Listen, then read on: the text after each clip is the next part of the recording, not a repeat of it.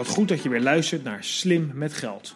De podcast over de impact van geld op jouw leven en je bedrijf. En de toekomst die je voor je hebt. Ik ben Michiel van Vught, schrijver van Genoeg en Net iets Slimmer. En praat je graag bij over hoe jij beslissingen neemt.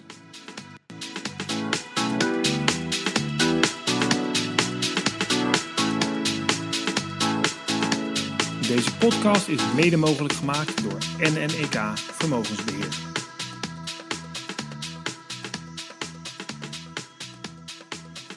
Vandaag een interessante uitzending over overmoed. Een begrip dat door sommigen wordt verguisd, terwijl anderen het juist ophemelen. En ik was eigenlijk altijd gewoon constant bezig om ehm, eh, onder de indruk te zijn eh, van mezelf. Maar wat kan het gebruik van overmoed je brengen? Succes of een nederlaag? 4 juni 1942. Admiraal Yamamoto is klaar voor de beslissende slag in de Stille Oceaan. Met zijn overweldigende Japanse vloot is hij van plan Midway in te nemen. Een klein atol zo'n 1800 kilometer van Pearl Harbor, waar hij zes maanden eerder met groot succes de Amerikaanse vloot gedecimeerd had. Zijn succes toen kwam door verrassing. Het verrassingseffect was zo groot dat de Amerikanen niet klaar waren en die dachten überhaupt niet dat ze aangevallen zouden worden op hun hoofdeiland. En ze hadden zich niet goed voorbereid. Yamamoto was van plan dezelfde strategie te volgen en op deze manier Midway in te nemen. Maar dit ging volledig mis. Zoals wellicht bekend wonnen de Amerikanen de slag om Midway. Hoe komt dit en wat veranderde hier nu ten opzichte van de aanval op Pearl Harbor? Hiervoor moeten we kijken naar zijn Amerikaanse tegenstander, admiraal Nimitz, die een groot deel van zijn vloot verloren was tijdens de aanval op Pearl Harbor. Admiraal Nimitz wist ook dat zijn overgebleven schepen onderdeden voor de Japanse armada die eraan kwam. Ze hadden veel minder schepen, minder vliegtuigen en ook veel minder ervaring. En admiraal Nimitz wist dus dat hij iets anders moest doen. En hij begon direct met het inzamelen van inlichtingen. En hij ging ook eens goed nadenken hoe hij deze slag wel zou kunnen winnen. In tegenstelling tot admiraal Yamamoto, die zeker wist dat hij zou gaan winnen. Zijn verrassingsstrategie was succesvol gebleken en dat zal vast nu weer beginnen. Admiraal Yamamoto leed aan de zogenaamde winnaarsziekte. Dit houdt in dat je ervan overtuigd bent dat jouw strategie je de overwinning zal brengen. In het geval van admiraal Yamamoto uitte dit zich in een rigide strategie waar niets van afgeweken mocht worden, beperkte communicatie om het verrassingseffect groot te houden en weinig overleg met zijn andere strategen om zich heen. Sterker nog, een groot deel van zijn kapiteins was het niet eens eens met de strategie, maar Yamamoto zette door. Hoe anders deed admiraal Nimitz dit? Die wist dat hij geen kans had om op de reguliere manier te winnen van de Japanners. Hun vloot was te sterk, hun ervaring was te groot. Ze hadden veel te veel vliegtuigen. Dus wat hij al snel deed, was zoveel mogelijk inlichtingen verzamelen. En hij kwam erachter dat de Japanners van plan waren Midway aan te vallen. Daar ging het verrassingseffect van admiraal Yamamoto. Tegelijkertijd beval Nimitz om vooral gecalculeerde risico's te nemen in de aanval. Dus alleen aanvallen, alleen je laten zien zelfs, als je wist dat je een enorm effect kon toebrengen, een enorme schade kon toebrengen aan de vijandelijke vloot. Kon je dat niet, bleef op afstand en zorgde dat je geen schade opliep jezelf. Door deze hele complete andere manier van structuur en bevel wist admiraal Nimitz uiteindelijk de slag te winnen. Overmoedige strategie van admiraal Yamamoto werd de Japanse vloot fataal. Uiteindelijk verloren ze de slag van Midway en dit veranderde de complete uitkomst van de Tweede Wereldoorlog in de Stille Oceaan. Overmoedig gedrag kan je dus problemen opleveren, om het zacht te zeggen. Ik heb dit zelf ervaren toen ik de winnaarsziekte had eind jaren 90, toen ik begon met beleggen. Althans, het was niet echt beleggen, het was meer speculeren. Ik zette al mijn geld in één uh, aandeel. En ik uh, was ervan overtuigd dat ik het beste bedrijf geselecteerd had. En het ging ook maand na maand goed. En ik werd steeds overtuigder van mijn gelijk. Tot anderhalf jaar later het bedrijf failliet ging en ik al mijn geld verloor. Dit was natuurlijk geen slimme manier van beleggen. Het was overmoedig gedrag. Dat leidde tot een uh, grote deceptie. Inmiddels weet ik gelukkig hoe ik beter moet. Luister vooral naar de podcast over de slimme belegger. Maar overmoedig gedrag zien we dus overal terug. Tegelijkertijd brengt overmoed ons ook op plekken waar we anders nooit zouden komen. Want als de Amerikanen niet dachten dat we de maan zouden kunnen bereiken, of de Russen niet dachten dat we de, uh, de ruimte in konden, waren we daar nooit geweest. En zo werkt het ook in de topsport. Daar heb je best wat overmoedig gedrag nodig om boven te komen drijven. Want iedereen denkt dat hij goed is. En het onderscheidend vermogen zit er misschien juist in het feit dat jij denkt dat je beter bent dan de ander. En daarom heb ik Jeroen Hertzberger gevraagd, een oud teamgenoot van mij met wie ik tien jaar geleden mocht samenspelen, om te vragen hoe hij zijn topsportcarrière beleefd heeft en hoe hij de top heeft bereikt. Want ik kan me goed herinneren, toen Jeroen bij mij in het team kwam, was hij nog een broekje, was hij net nieuw. En toen zei hij al tegen mij, joh Giel, ik ga de Olympische Spelen halen. Ik vroeg Jeroen of dat klopte en of hij diezelfde herinnering heeft. Nou, um, ik, ik weet wel dat, uh, dat klopt wel een beetje. Ik, uh, ik weet ook nog dat ik uh, op mijn achttiende, mijn eerste jaar senior, toen mocht ik helemaal niet met heren 1 meedoen. Dus toen ik voornamelijk in heren 2. En toen moest ik aan de jongens in mijn studentenhuis, waar het vooral over bier ging, moest ik wijsmaken dat ik vroeg naar bed moest, omdat ik dus de volgende dag een wedstrijd had. En toen zei iedereen, ah joh, rot op, je speelt bij Heren 2, weet je wel. maak je nou uit als je een beetje brak bent. Toen zei ik, ja, maar ik ga naar de Olympische Spelen. Toen, dacht iedereen, nou, goed verhaal Jeroen. Heren 2, Olympische Spelen, dat, dat zit toch wel ver uit elkaar. Um, maar ja, het was uiteindelijk drie jaar later was het wel raak. En voor Jeroen bleef het niet bij die ene Olympische Spelen. Nee, want inmiddels heeft hij ruim 200 interlands gespeeld heeft hij een aantal keer meegedaan in edities van de EAL. Is hij daar nog steeds all-time topscorer. En maakte hij uh, mede met zijn uh, belangrijke doelpunt Rotterdam in 2013 voor de eerste keer landskampioen.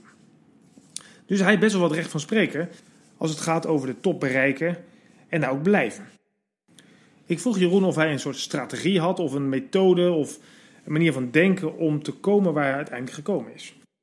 Ja, ik weet niet. Ik heb op een of andere manier uh, gewoon ik denk van nature, dat is me niet ingefluisterd of zo. Uh, en ook helemaal niet arrogant bedoeld of zo. Op dat moment had ik natuurlijk nul om dat te ondersteunen. Om te weten dat ik Nederland zelf toch ging halen. Alleen, ja, ik, ik, ik wilde dat gewoon heel graag. En daar moest van mij alles voor wijken. en ehm, ja, ik, op een of andere manier denk ik dat soms in het leven is het denk ik ehm, een beetje over, over zelfvertrouwen. Kan soms ook wel heel goed werken. Dus ik vind dat je ook wel een bepaalde uh, ja, bravoure of gochme of zelfverzekerheid, misschien lichte klein, klein beetje arrogantie, heb je soms in de topsport denk ik ook wel nodig om jezelf ergens te overtuigen dat je het kunt. Je hebt dus wel wat arrogantie en een hoge mate van zelfbewustzijn nodig om in de topsport het allerhoogste te bereiken. Zometeen vraag ik Jeroen of hij daar nog verder in gaat en of hij nog wat voorbeelden heeft van dat overmoedig gedrag. Je luistert nog steeds naar de podcast Slim met Geld. Mijn naam is Michiel van Vught en ik probeer in elke podcast weer net wat wijzer te maken over je geld, je leven en misschien de zaken die in de toekomst gaan spelen. Als ik het goed begrijp, Jeroen, gaat het erom dat je uh, goed weet wat je moet doen om de top te bereiken. En je moet eigenlijk ook een beetje oppassen dat je niet arrogant overkomt, toch? Laten we het zo zeggen, het is een beetje het tegenovergestelde van als je een beetje onzeker bent. Dus je bent uh, gewoon echt zeker van jezelf. En uh, je bent je heel bewust van wat je kunt. Um, en ik heb eigenlijk gewoon altijd heel goed geweten wat ik kan. Uh, en dat, dat was op basis van wat ik tot op dat moment gedaan had. En ik wist op de training hoe ik kon schieten. Ik wist wat voor acties ik kon maken. En ik was eigenlijk altijd gewoon constant bezig om um, onder de indruk te zijn van mezelf. En dat, dat klinkt heel gek, maar op het moment dat je dus onder de indruk bent van jezelf, dan weet je dat je goed bezig bent. Omdat je weet wat je kunt. Kortom, het is belangrijk om te weten uh, wat je wilt en uh, wat je kunt en ook daarvan uit te gaan. Een stukje gezonde arrogantie blijkt dus goed te zijn. En tegelijkertijd moeten we de valkuil van admiraal Yamamoto natuurlijk voorkomen. Ik vroeg Jeroen hoe hij daarmee omgaat als hij in een wedstrijd speelt en de eerste helft spelen ze goed. En dan weet je dat er een nieuwe helft gaat komen. Hoe gaat hij daarmee om en hoe bereidt hij zijn team voor op zo'n tweede helft? Waar de strategie misschien net wat anders moet zijn, ondanks dat het zo goed leek te gaan. En dan gaat in de rust gaat iedereen tegen elkaar zeggen: jongens, we zijn supergoed bezig. En we zijn hartstikke goed aan het spelen, dus we moeten gewoon vooral zo doorgaan. Alleen tegelijkertijd, in, aan de andere kant van de gang in de kleedkamer, uh, heb je een ploeg die dus een slechte eerste helft speelt. En die dus de tweede, de tweede helft uit een ander vaatje gaat tappen. Een mooi voorbeeld wat admiraal Nimitz ook deed. Hij ging uit een heel ander vaatje tappen dan admiraal Yamamoto in gedachten had. En dat betekent soms ook dat je dus als admiraal of als captain van een hockeyteam misschien iets anders moet doen om je team weer even te veranderen. Tijdens de wedstrijd. Hoe doe je dat? Ik focus me in eerste instantie gewoon op goed spelen. Um, maar, als er een, maar als er dan op een gegeven moment uh, iets nodig is, ja, dan, dan stap ik wel even uit een pure hockeyrol. En dan probeer ik ook met persoonlijkheid hier en daar een, een, vuurtje een beetje aan te wakkeren. Ja, zeker. Ja. Jeroen en ik praten wat verder over tegenslagen die er in zijn topsportcarrière gebeurd zijn. Zo viel hij vlak voor de Olympische Spelen af, ondanks dat hem was toegezegd mee te gaan. Ik vraag hem hoe hij omgaat met dit soort situaties en wat je vooral niet moet doen. Uh, zelfmedelijden in de topsport is uh, de grootste valkuil die er is. En dat kan in, in het klein zijn van ik vind dat ik te weinig speel. En de coach is een eikel, want hij stelt me niet op. Tot ik word niet meegenomen naar de Olympische Spelen twee weken voor het toernooi. Ehm, en, en zelfmedelijden is echt in topsport is echt killing. Tot zover is wel duidelijk dat overmoed je ver kan brengen, maar je uiteraard ook uh, diep kan laten vallen. Ik heb wel meegekregen uit het gesprek met Jeroen en het inlezen op admiraal Yamamoto en admiraal Nimitz dat het belangrijk is om te weten wat je kunt, overtuigd zijn van jezelf, misschien een klein beetje arrogant zijn. Maar ja, tegelijkertijd moet je, als het een keertje misgaat, ook kunnen aanpassen. Misschien wel in de situatie die zich op dat moment voordoet.